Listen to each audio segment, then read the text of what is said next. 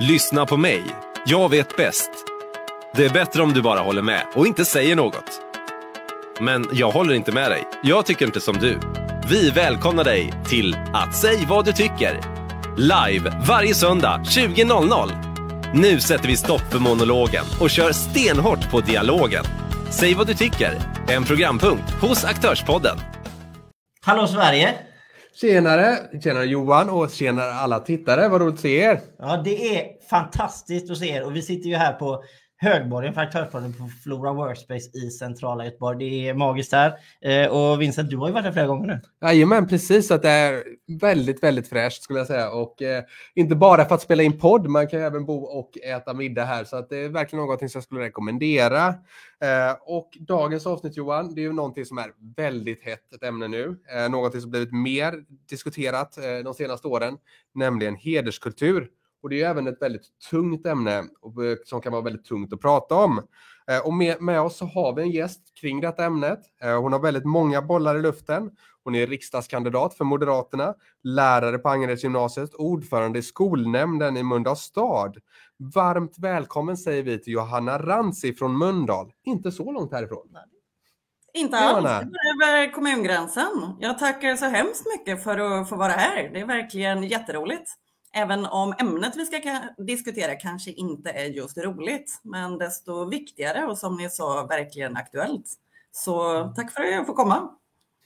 Ja, eh, som sagt, det är roligt att ha det här och vi håller med om helt att eh, det är ett väldigt viktigt ämne. Eh, och Johanna, innan jag tänker vi går in på själva ämnet, så du och jag och Johan, vi känner ju alla tre varandra väl.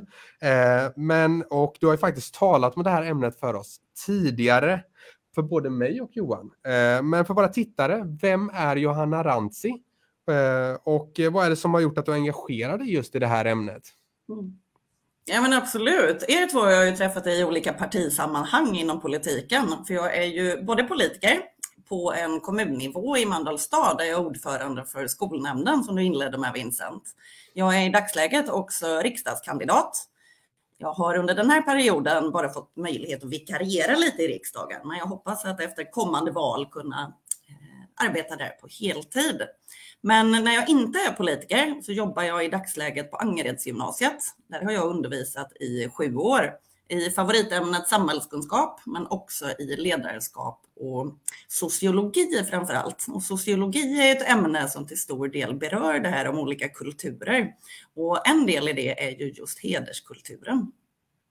Anledningen till att det här ligger nära mig, hederskultur, det är väl framför allt för att jag upplever att jag har sett allt för mycket hederskultur. Jag ser på min arbetsplats både hur det formar och begränsar människors liv och vardag. Och i mitt Sverige så hör ingen form av hederskultur hemma. Jag tror ju mycket på friheten. Det är min grundläggande ideologiska värdering, individen. Och hederskulturen är ju någonting som går tvärt emot det här. För kärnan i hederskulturen, det är ju kollektivets begränsningar av individen. Jag upplever att jag ser hedersförtryckets utbredning i Sverige och det är fruktansvärt. Men just hur utbrett är det? Alltså man kan ju prata om att man ser det i skolan, man kan prata om att man ser det kanske i vissa typer av miljöer. Men alltså hur utbrett är det i Sverige idag för den som kanske inte är riktigt insatt i frågan? Mm. Jag skulle säga att hederskultur finns överallt i Sverige idag i olika stor mängd. Vi ser ju olika former av heder i olika kulturer. Jag arbetar ju i den enda gymnasieskolan som ligger i en förort i Göteborg. Och vi har ett stort upptagningsområde i bland annat Angered i utsatta områden och även från andra förorter och utsatta områden runt om i staden. Och i de här områdena där ser vi kulturer som i mångt och mycket ibland delar de här värderingarna. Det är ju nämligen som så att kulturer, det följer ju med migranter i migrationen och vi har ju sett de senaste åren hur migrationen till Sverige har ökat. För en kultur är ju ingenting man lämnar hemma, utan det är ju någonting man bär med sig och kulturer byter man inte över en dag. Det gör ju att kulturer frodas, hederskulturen frodas mer och mer och är utbredd i områden där människor delar samma kulturella bakgrund och också de här värderingarna. Och det är ju till exempel då våra utsatta områden där vi har stora mängder av människor som kommer från Mellanöstern och från olika delar av Afrika. Mm. Ja, men precis, och du inledde ju tidigare med att säga också att du, det här är ett ämne som du brinner för väldigt mycket och delvis då för att du själv har varit, eh, har sett väldigt mycket. Och jag kan, eh, är det, varifrån har du sett detta och vilka upplevelser har du haft med dig? Är det några speciella som sticker ut extra mycket? Ja, som lärare i just den här gymnasieskolan och kanske fler skolor i Sverige, men där jag jobbar har jag fått lära mig det här av beprövad erfarenhet. Tyvärr ska jag säga. Det är ju alltifrån den fysiska hederskulturen, när man kan tala om kvinnlig könsstympning och omskärelse. Jag fick snabbt lära mig när jag började arbeta på Angeredsgymnasiet att en del flickor inte klarar sig med 5-10 minuters rast mellan lektionerna, för då hinner inte de kissa. Man kan titta på en del somaliska tjejer som behöver betydligt längre tid på sig så för att bara klara en, vad vi skulle kalla rutinmässig, att gå på toagång. Men det kanske tar för dem upp till 20 minuter. Och det här kan man då härleda till en fysisk form av hederskultur som är kopplad till just könsstympning. Könsstympning är en fruktansvärd tradition som är utbredd till stor del i Mellanöstern, men framför allt i norra Afrika. Senare åren har vi i Sverige haft en stor migrantström från till exempel Somalia som har kommit hit. Och man uppskattar att det i dagsläget finns ungefär 200 miljoner flickor och kvinnor runt om i världen som är könsstympade. Därav har ju vi också fått hit många unga som har blivit utsatta för den här hemska och fasansfulla traditionen i att begränsa en ung människas sexuella drift och liv. Könsstympning handlar ju alltså om att man stympar det kvinnliga könsorganet. Alltifrån att avlägsna klitoris för att minska kvinnlig njutning vid samlag till den allra grövsta varianten när man både avlägsnar klitoris, stora delar av blygdläppar men också syr igen hela vaginan för att endast lämna ett litet, litet hål där menstruation och urin ska kunna ta sig ur. Och en sån här könsstympning gör det ju fruktansvärt för flickor och kvinnor att kunna utföra det vi kallar för enkla basbehov på toaletten. Och sånt här möter man i vardagen som lärare, där man tyvärr får uppleva och göra det till en erfarenhet man tar med sig. Och det handlar ju egentligen inte bara om det här fysiska övergreppen och de fysiska sakerna som man kan utsättas för i en hederskontext, utan en hederskontext är ju lika mycket psykisk alltifrån hot om det ena eller det andra, eh, hot om att inte få gifta sig med vem man vill. Jag har många elever som diskuterar just det här med giftermål. Det är inte självklart för alla unga idag att få gifta sig med vem man vill. Jag möter elever med oro att bli utförda ur landet. Elever som inte får simma, som inte får cykla eller vara ute efter skolan.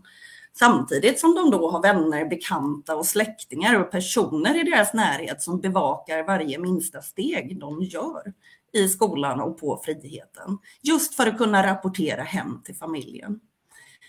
Jag har ett exempel som jag fick höra från en lärare.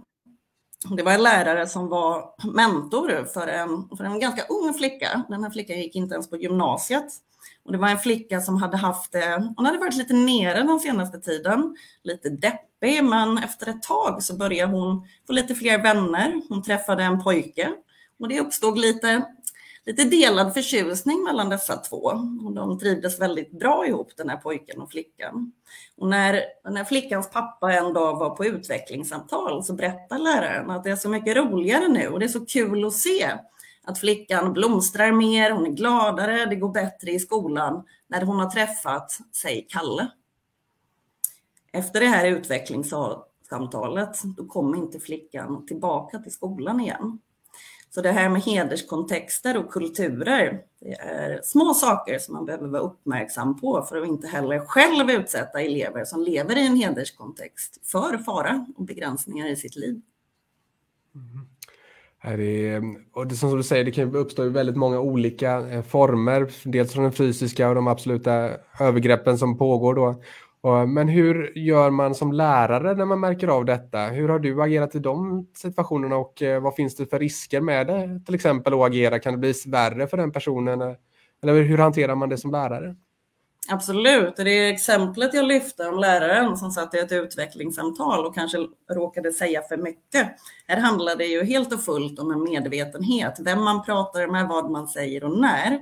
Men när det kommer till kontakten med eleven, med ungdomarna och barnen som lever i den här kontexten så handlar det ju till väldigt stor del om att just skapa förtroende. Och det är inte alls säkert att den här personen själv är medveten om att man lever i en hederskontext. Man kan jämföra det med att vi i majoritetssamhället i Sverige idag föds med en ganska liten egenkontroll när vi är små. Och när vi växer upp under våra tonår, då får vi mer och mer eget utrymme och mer och mer frihet. Men tittar man på personer som lever i den här hederskontexten, då föds de ofta med ganska stor frihet. Och under uppväxten, tonåren, då begränsas den här friheten mer och mer. För när man då anses vara en giftasmogen kvinna, eller på väg att bli, då ska du också begränsa så mycket som möjligt så att du inte gör, enligt kontexten och normen, fel val. Och för ett barn som lever i den här kontexten då, då kan ju det vara ganska förvirrande att plötsligt ha en frihet som tas mer och mer ifrån en. För det här är ofta barn och unga som lever med två helt olika värdegrunder. Där man i hemmet lever med en hederskontextuell värdegrund och man i skolan möter majoritetssamhällets värdegrund. Och det blir ofta väldigt förvirrande. Så jag tror att man behöver vara tydlig med vem kan man vända sig till?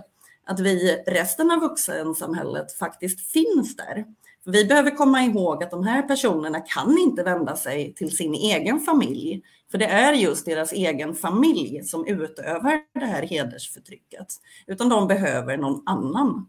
Och jag är lärare, men jag behöver ibland även vara den där personen som en ungdom i en hederskontext står närmast utanför den här kontexten. Och jag har fått lyssna på hemska historier om bortförande, om bortgifte, om begränsningar och om könsstympning av unga. Och jag har varit den vuxna som har följt med till barnmorskan för att hålla en ung tjej i handen när hon redogör för sin könsstympning för vårdpersonal. Och jag kan lova att jag har gråtit på min kammare och med mina kollegor efter det här. Men man har ändå varit den som har funnits där för någon som inte har någon annan. Och detta trots att man bara är en lärare, men man behöver också vara den vuxna som finns till hands för de som faktiskt öppnar sig och vill prata om det. För det är det viktiga för någon som lever i det här, att våga ta steget och börja prata om vad man utsätts för. Men jag, det är som jag tänker så här att jag tror ju generellt sett om vi sett brett över samhället att de flesta säger att hederskultur det är ingenting som är något positivt och man, man tar kraftigt avstånd från hederskultur. Vissa tar till orden och säger varför ska vi ha hederskultur och så blir det liksom. Men allting handlar ju om hur ska man göra? Hur ska man agera för att motverka det? Och även då som du pratar om här att lyfta det till ljuset. Och då pratar man ju lite kanske om handlingsplaner. Finns det en handlingsplan för skolan hur man ska hantera de här ärenden när man väl ser dem, när de här unga kommer som du pratar om? Mm. Det ser väldigt olika ut. Jag kan säga att regeringen gav 2017 i uppdrag att göra en nationell kartläggning över det utbredda hedersförtrycket. År 2009 när man skulle presentera den här kartläggningen, då konstaterade ansvarig minister att det hade misslyckats. Så i Sverige finns idag ingen nationell kartläggning på hur utbrett det här fenomenet faktiskt är, utan det är någonting man lite har fått gissa sig till. Sen har olika kommuner runt om i Sverige varit olika duktiga på att faktiskt jobba med det här. Men det jag skulle säga är prio ett, det är inte att undersöka hur utbrett det är, utan det är faktiskt att förebygga det och att ta tag i det vi redan vet faktiskt händer. Och där kan man ju då jobba med till exempel det här om handlingsplaner. Det handlar ju om både uppmärksamma att det finns och också så att man kan jobba med det preventivt, för kunskapen är ganska liten idag. Även nationellt sett som jag nämnde. Och utan att ha kunskap om det så är det ju också svårt att agera. Jag kan ta som ett exempel när jag var på en föreläsning här i min egen kommun på en skola. Det är en skola som har mellanstadie och högstadie, så ganska stor blandning av elever. Det var en informationsföreläsning om en kvinna som är specialiserad på just det här ämnet med hederskultur och hedersrelaterat våld och förtryck. Och hon föreläste och berättade om det. och Man hade också en dialog på den här skolan i Mandal. Och det som var intressant där var att flera ur personalen då menade på att det här hade man aldrig sett. Det finns inte här och det förekommer inte riktigt. Medan andra i samma personalgrupp kunde ge konkreta exempel, berätta om hur det tar sig uttryck. För jag tror ju då att har du inte kunskapen om det, då är det ju också svårt att urskilja det. Och det här är ju ett konkret exempel på hur det faktiskt tar sig uttryck i verkligheten. I Mölndal, där jag sitter som ordförande i skolnämnden, har vi nu tagit ett initiativ här nyligen och lagt ett politiskt förslag med ett uppdrag om att utbilda all personal som i skolans värld möter barn och unga.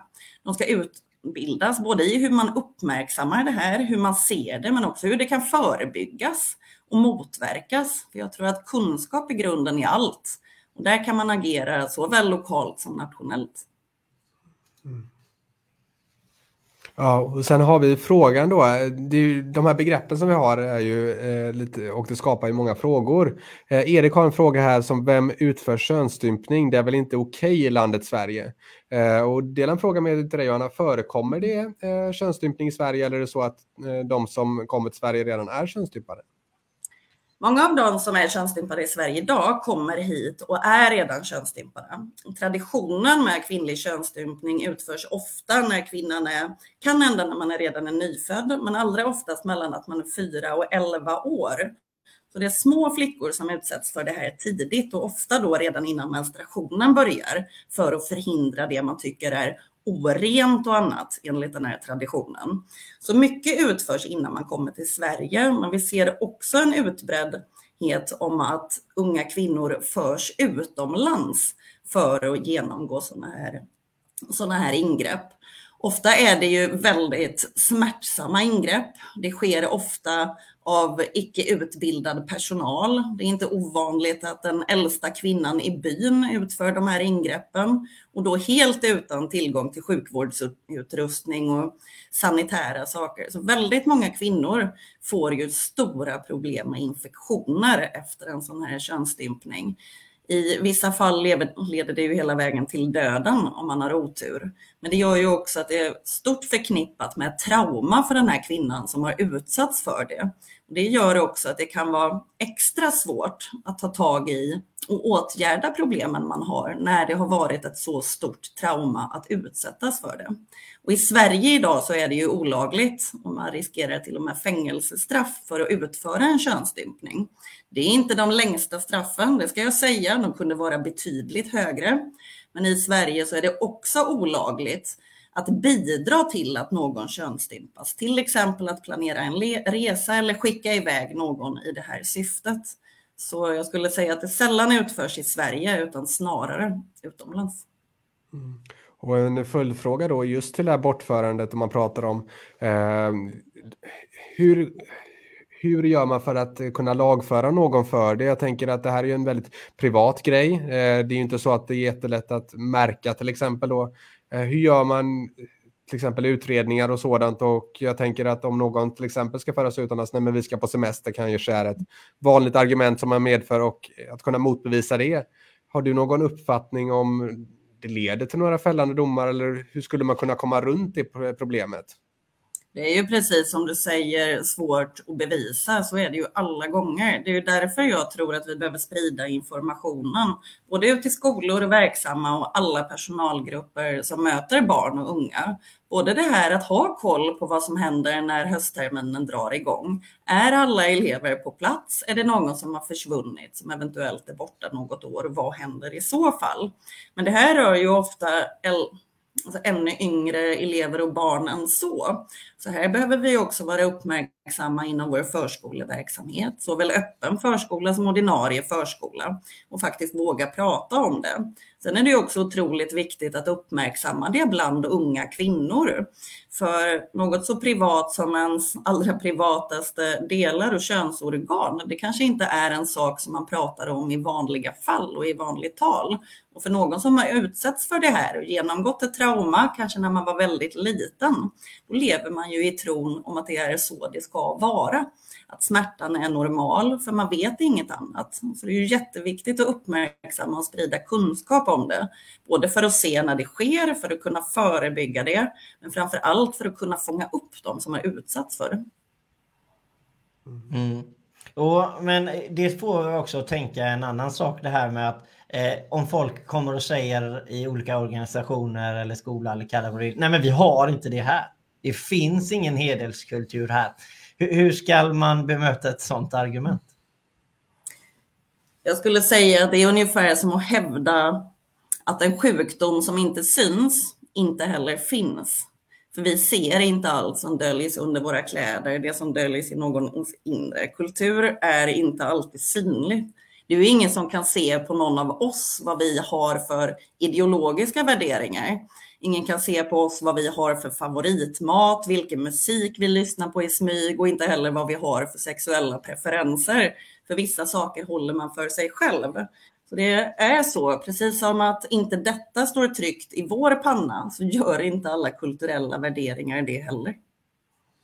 Vi har fått in en, en liten fråga här eller, eh, av Kristina Rindesberg som säger eh, Män blir också omskurna vilket också leder till mindre njutning, inte bara hos kvinnor. Även om det är värre för kvinnor så kan man komma ihåg att omskurna är ett övergrepp för sexuell njutning. Är det, är det så att det är förekommande för båda könen? Jag har inte så stor koll på hur hederskontexten i sig är kopplad till manlig omskärelse. Men när man tittar på hederskontexten kopplad till kvinnlig omskärelse så sker det ju just på grund av det här med heder. På grund av att hindra kvinnan att ens utföra sexuella handlingar. Den värsta formen av könsstympning gör det ju till och med omöjligt. Det här är ju ett sätt för framförallt män och för samhället att begränsa kvinnor, att kontrollera kvinnor och se till att de beter sig på ett förutbestämt normativt sätt. Så när det gäller kvinnlig omskärelse så handlar det inte ens om religiösa påfund, utan det är en tradition, en hederskulturell tradition där man ska hindra kvinnor från att vara det man inom en kultur anser är orent, fult, och icke accepterat. Så när det gäller kvinnlig omskärelse så är det alltså en kontroll av kvinnors beteenden, inte bara sexualdrift utan också kvinnligt beteende. Så kopplar man just kvinnlig omskärelse till en hederskontext. Mm. Jag skulle säga att det är ju en eh, väldigt stor eh, diskrepans där också just kring heder kopplat till det, även om det, man kan eh, ha en religiös kontext, du kan ha en eh, nor eh, en norm, en etablerad norm i samhället och sådant. Men he he heden eh, finns ju inte där på samma sätt. Eh, men vi har ju diskuterat just det här heder, om vi ska gå vidare på det som begrepp för hederskultur. Vad menas egentligen med ordet heder? Vi fick en snygg brygga in på det nu. Eh, mm. och vilka hur uttrycker sig det? Hur ska man kunna särskilja då till exempel på eh, en religiös kontext och en hederskontext? Mm. Eh, eller bara en samhällsnorm som finns hur ska vi kunna, vad är heder och hederskultur? Det är en svår fråga. Ja, det är en svår fråga som man kan dyka ganska djupt i, men jag tänker om man ska ta det på den här tiden vi har på oss, då ska vi komma ihåg att det är en gråskala. Här kan det låta lite svart eller vitt, men jag vill också uppmärksamma att det finns en gråskala. Och vill man, vill man veta mer om det, då har vi till exempel Mariette Gardimi som är doktorand på Socialhögskolan vid Stockholms universitet som har fördjupat sig mycket i de här ämnena. Och det är också hennes definition av heder som jag brukar utgå ifrån när jag diskuterar problematiken. Och där beskriver man hederskulturen som ett system av olika beroende relationer. För kärnan i hederskulturen, det är ju just kollektivets begränsningar av enskilda individer. Det fundamentala i en hederskontext, det är att män bestämmer över kvinnor. Det är det fundamentala. Men vi har också ett system där äldre män bestämmer över yngre män. Där yngre män bestämmer över kvinnor. Äldre kvinnor bestämmer över yngre kvinnor. Det finns alltså en väldigt tydlig hierarki i hur ett hederssystem är uppbyggt. I ett sånt här hederssystem så ställer man ofta hushållet och familjen i centrum. Och hushållet klassas ofta här som tre generationer, även om man kanske inte bor under samma tak. Och centralt är också giftermål i ung ålder för framför allt flickor och kvinnor. Det som är mest centralt i en hederskontext, det är oskulden. De här människorna lever i med en oskuldsnorm där en flickas viktigaste ägodel är oskulden. Det innebär att sexualiteten för en flicka inte längre är individuell utan det blir en angelägenhet för hela familjen. Man pratar ofta om två centrala begrepp när man diskuterar teoretiskt sett det här med heder. Och ett av de begreppen känner ni säkert igen, det är begreppet sharaf. Det är det som mest liknar det svenska begreppet heder. Och det har ni säkert hört i sammanhanget Sharafs hjältar, som också är centrala inom de här frågorna. Och Sharaf, det är det som är kopplat till mannen och till hans familjs heder. Sharaf är alltså någonting som ska upprätthållas, som handlar om att just vara rättfärdig, göra rätt för sig. Och det är kopplat till mannen som äger sin familjs heder. En annan del och ett begrepp som är kopplat till den kvinnliga heden, det är just namus. Och namus är knutet till kvinnors uppförande, både sexuellt men också uppförande runt om på olika sätt. Och det här är kvinnornas roll att omhänderta. Det är kvinnan som ska upprätthålla namus.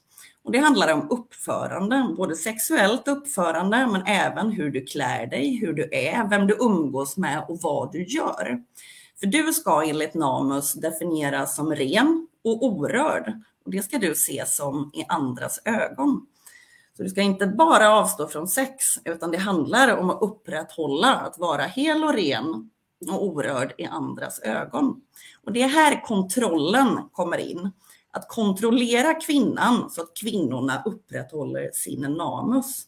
För om kvinnorna inte upprätthåller namus, då tappar mannen och hela familjen sin sharaf, alltså sin heder.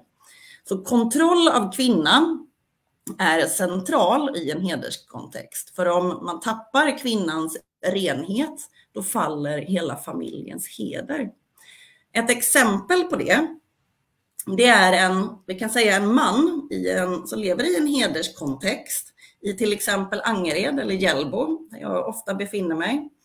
Och om den här mannen har sharaf, han har en hög sharaf där han har en god heder, han försörjer sin familj och kvinnorna, de upprätthåller namas. Då har du en optimal ställning i en hederskontext. Då upprätthåller du allt som ska upprätthållas och får också en hög social position i ett sånt här system.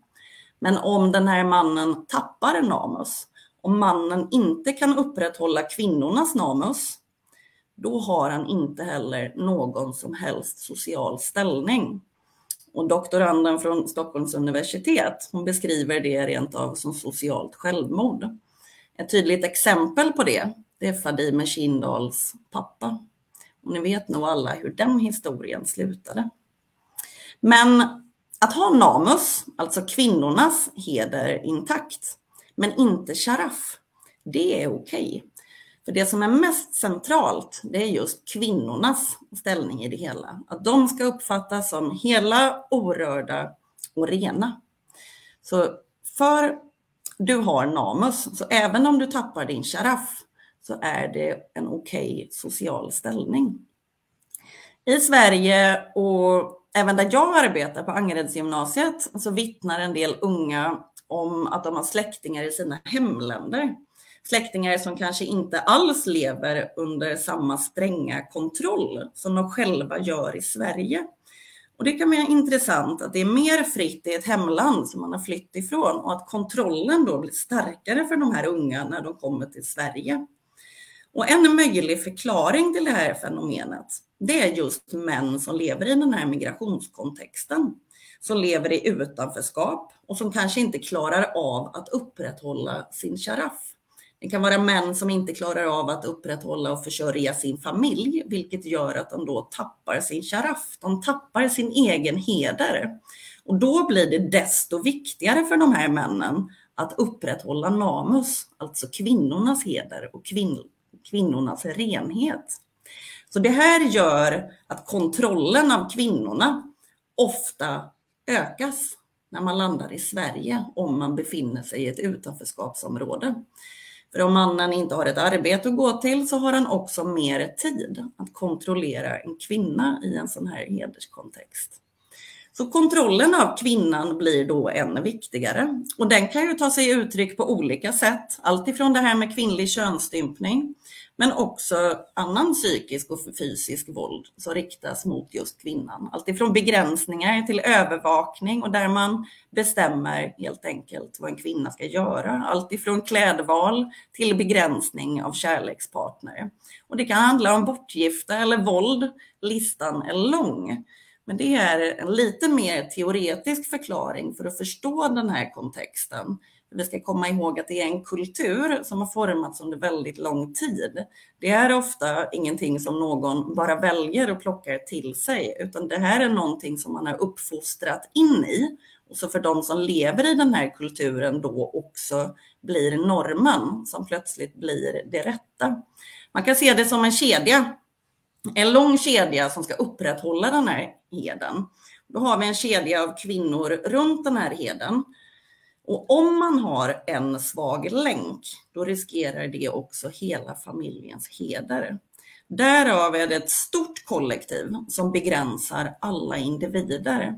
Så vi ska också komma ihåg att det inte bara är kvinnor som lever i det här förtrycket, utan det är också äldre män, det är yngre män som tvingas till kontroll över sina systrar och hederskontexten är någonting som löper mer än från en individ. Och det gör också att det är väldigt svårt för många att ta sig ur en hederskontext. För det innebär att bryta med hela sitt närmsta kollektiv. Att bryta med sin närmsta familj och många gånger och helt och hållet behöva säga upp kontakten med dem. Därav är det inget lätt problem att lösa utan det är ett svårlöst problem som kräver både att vi, resten av samhället, uppmärksammar det, att vi ställer krav på att det inte är okej okay, och också att vi hjälper de här individerna som befinner sig i den. Det var en jättebra förklaring. Jag tror att det är väldigt många som lärde sig nog ganska mycket av din förklaring. Och det är ett grymt eh, aktuellt ämne och det är ett väldigt tungt ämne att prata om. Eh, och vi ska röra oss lite ifrån ämnet. Jag hoppas, har man mer frågor i ämnet så ska man ju absolut bara se till att säga det. Så ska vi, men nu ska vi gå över på att det är lite valår eh, för Moderaterna och om Moderaterna går eh, samma som vi gjorde förra gången eller om vi går ännu bättre så kommer du sitta i riksdagen. Och med det sagt så ska vi faktiskt se ett litet klipp med Johanna från riksdagen. Så här kommer det. För i media så rapporteras kontinuerligt om ökat hot och våld i skolan samtidigt som brist på studiero är ett ihållande problem. Lärare tvingas lägga allt mer tid på att upprätthålla ordning i klassrummen och följden blir mindre fokus på undervisning. Detta samtidigt som vi tidigare har konstaterat att lärarbristen blir allt tydligare. Så vi har alltså färre behöriga lärare som lägger mindre tid på undervisning. Det kommer få stora konsekvenser för kvaliteten på utbildningen i svensk skola och i slutändan elevers resultat. Antalet anmälningar om hot och våld till Arbetsmiljöverket har dubblerats på bara fem år. Skolor nu ska vi se, nu klippte, jag, klippte vi där eh, och lite jag också givetvis ska vi säga det att det var när du vikarierade och inte hade en permanent plats i riksdagen. Men om vi nu ponerar att det går väldigt bra för dig Johanna och du kommer in i riksdagen. Vilka frågor är det du kommer driva där? Det finns jättemycket frågor att driva. Jag vill driva både de här trygghetsfrågorna som jag tycker ligger till grund för samhället. Där har vi bland annat hedersproblematiken som breder ut sig, men också trygghetsfrågor för våra äldre. Fler poliser. Det är har en helt eskalerande situation med gängkriminalitet och skjutningar i landet. Utöver det så tycker jag ju att skolan är den absolut viktigaste frågan. Både för att jag har ägnat mycket tid i skolan, jag ser vilka fel och brister som finns där och också väldigt mycket vi behöver göra. Det handlar om allt ifrån att våga ta tag i de kvalitetsproblem som vi faktiskt har i svensk skola idag, för att sedan se till att skolan faktiskt leder till jobb eller vidare studier. För ytterligare en fråga som jag tycker behöver prioriteras upp på dagordningen i svensk riksdag, det är det här med jobb och arbeten. Det har vi ju redan varit inne på när vi har samtalat om det här med hederskulturen, vad utanförskap faktiskt kan leda till. Och en av de största utmaningarna som vi står inför i Sverige idag, det är att en åldrande befolkning. Det är jättetrevligt att våra äldre blir både äldre och friskare. Men det betyder också att vi är allt färre som ska försörja allt fler. Så vi behöver omfattande reformer i Sverige idag för att klara den här omställningen. Vi behöver bryta långtidsarbetslösheten. Vi kommer lägga fram omfattande förslag för att se till att fler går till arbete. Vi behöver ställa krav, införa ett bidragstak där man inte ska kunna stapla bidrag på varann tills man tjänar mer än vad någon grannfamilj gör som faktiskt går till jobbet. Vi ska se till att de som kan jobba också får jobba. Och det gäller allt ifrån de som idag diskrimineras på arbetsmarknaden till de som är äldre och har svårt att hitta jobb på dagens arbetsmarknad idag. Så skolan behöver leda till jobb eller vidare studier. Och skolan är ju centralt i detta. För utan en lyckad skolgång, då har du också svårt att lyckas senare i livet. Vi ser ju att de som inte klarar skolan idag, ofta tar en väg ut i utanförskap. Vi ser att skolan idag utbildar för utanförskap. Jag kan ta ett konkret exempel på det, där vi i gymnasieskolan idag inte har möjlighet att ställa krav. Om en elev blir antagen till gymnasieskolan, läser år ett, är kanske inte så engagerad, använder skolan till lite annat och får inte med sig några godkända betyg då har den här eleven ändå rätt att gå upp i årskurs två på gymnasiet, fortsätta studera, men kanske helt utan och knappt vara och inte få några betyg. Sen har han ändå rätt att börja år tre. Och jag har aldrig sett att någon elev har klarat det, utan då kan jag under tre år se att det här är en elev som vi skulle kunna hjälpa om vi fick ställa lite krav, som istället ägnar tre år till någonting helt annat och går rakt ut i utanförskap. Så det finns mycket vi kan göra i skolan, alltifrån att ställa tydligare krav till att faktiskt ta hand om de kvalitetsproblem vi ser i svensk skola idag. För där finns väldigt mycket att göra. Mm. Och relaterat till skolan så är ju en fråga som är väldigt flitigt debatterad just vinster i välfärden. Det rör ju mer än betydligt skolan, men friskolor och vinster i välfärden är ju någonting som varit uppe på tapeten väldigt mycket det senaste. Och det kommer ju vara ja, högst troligen en fråga som eh, eh, man driver i valet också. Eh, och Moderaterna, de är ju emot ett vinstförbud, eh, medan då från eh, politiska motståndarna eh, från andra sidan blocket tycker att det är orimligt och omoraliskt att göra vinst på skattemedel. Så vad är farligast? Är det vinster i välfärden eller är det vänster i välfärden som är det som är absolut farligast för vår välfärd? Vänster i välfärden. Jag kan säga så här att det är helt orimligt att 16 000 elever går ur grundskolan varje år utan att ens ha behörighet och läsa vidare på gymnasiet. Det är orimligt att man enligt vänsterpolitiken ska placera ut elever på dåliga skolor. Men det är inte orimligt att erbjuda bra utbildning. I Sverige idag så har vi dryga 1000 skolhuvudmän, 1100 ungefär. Och cirka 800 av de här skolhuvudmännen är enskilda huvudmän. Och ungefär 17 procent av eleverna, det brukar växla mellan 17 och 20 procent, går i en skola med enskild huvudman. Det är det vi dagligt tal kallar friskola. Och tittar man på de här siffrorna så inser man ganska snabbt att de flesta enskilda huvudmän och friskolor har väldigt få elever. Så de flesta friskolorna vi har runt om i Sverige idag det är väldigt små skolor, vi ser dem på landsbygden och de startas ofta av en pedagog, en lärare eller en rektor som tycker att man kan göra skolan än bättre än vad den är. Så bakom de här friskolorna, där ser vi eldsjälar, de som verkligen brinner för utbildning och vill ge eleverna än bättre möjligheter. Endast ungefär 50 procent av de friskolor vi ser idag drivs som aktiebolag och det kan finnas fördelar med att driva dem som aktiebolag just skattemässigt och också att man har möjlighet att växa på ett helt annat sätt. Och ska säga det att kommuner runt om i Sverige, de är rätt sparsamma ekonomiskt sett till friskolor. För friskolor får sina ekonomiska bidrag från kommuner och kommuner håller gärna ganska hårt i sina pengar. Så jag vill med det konstatera att friskolor, de kan bara gå med vinst om skolan också väljs av elever och föräldrar. Och det gör de. De här skolorna väljs ut av elever och föräldrar för att de erbjuder en god utbildning av hög kvalitet. De här vinsterna som görs av friskolor, de återinvesteras ofta i verksamheten för att utveckla densamma. Och elever och föräldrar de väljer fristående skolor för att de levererar utbildning och också har kvalitet. För annars skulle ingen valt de här skolorna. Så jag skulle hellre diskutera den svenska skolans kvalitetsproblem. Att vi varje år har 16 000 elever som går ur grundskolan och saknar behörighet till gymnasiet. Och det faktum att så många kommunala skolor går med underskott utan att leverera goda resultat.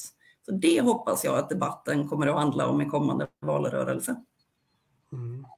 Och om vi ska knyta det lite till vad vi pratade om tidigare med just hederskultur och eh, kanske religiöst betingat så finns det en del religiösa skolor som har drivits i friskoleform som varit uppe på tapeten. Eh, om man då, hur kontrollerar vi och säkerställer vi att vi får eh, bra friskolor då? Eh, och inte att vi får dessa typer av friskolor som vill inskränka på eh, eh rättigheter för människor? Mm. Vi behöver en hårdare kontroll av skolor. Jag tror att Skolinspektionen, de som idag är ute och granskar skolor, behöver utöka sitt uppdrag. Jag skulle gärna se att Skolinspektionen fick möjlighet att ha oanmälda besök på skolor. Idag planeras det upp väldigt väl och det är ganska lätt för en skola att planera upp precis vad som görs och hur det går till när dessa kommer. Så jag vill gärna se att Skolinspektionen får ett utökat uppdrag, både att granska kvaliteten i skolan men också genom att kunna göra oanmälda besök i verksamheten. För vi måste kunna garantera varje elevs rätt till till en fri och demokratiskt grundad utbildning enligt den värdegrunden som vi har i Sverige idag och som svenska läroplanen vilar på. Så jag ser gärna ett utökat uppdrag för att granska skolor. För vi ska inte ha några dåliga skolor i Sverige idag. Det handlar inte om vem som driver skolan, utan det handlar om att eleverna ska få en god utbildning av hög kvalitet. Där alla elever ska ha möjlighet att nå sin fulla potential. Alltifrån eleverna som behöver extra stöd till särbegåvade elever som behöver extra utmaningar. Så vad jag är emot, det är dåliga skolor. Och det är de vi ska stänga. Kunskapsskolan helt enkelt. Mm. Ja, det är helt fantastiskt. Eh, tiden eh, börjar rinna ifrån oss och vi har ju haft eh, ett otroligt eh, laddat avsnitt med otroligt viktiga saker som Johanna tagit upp här idag. Eh, och jag skulle gärna vilja tacka dig personligen Johanna. Det är helt eh, fantastiskt, inte fantastiskt i fel ord, utan väldigt viktiga saker att prata om och det var väldigt givande att ha med det här idag.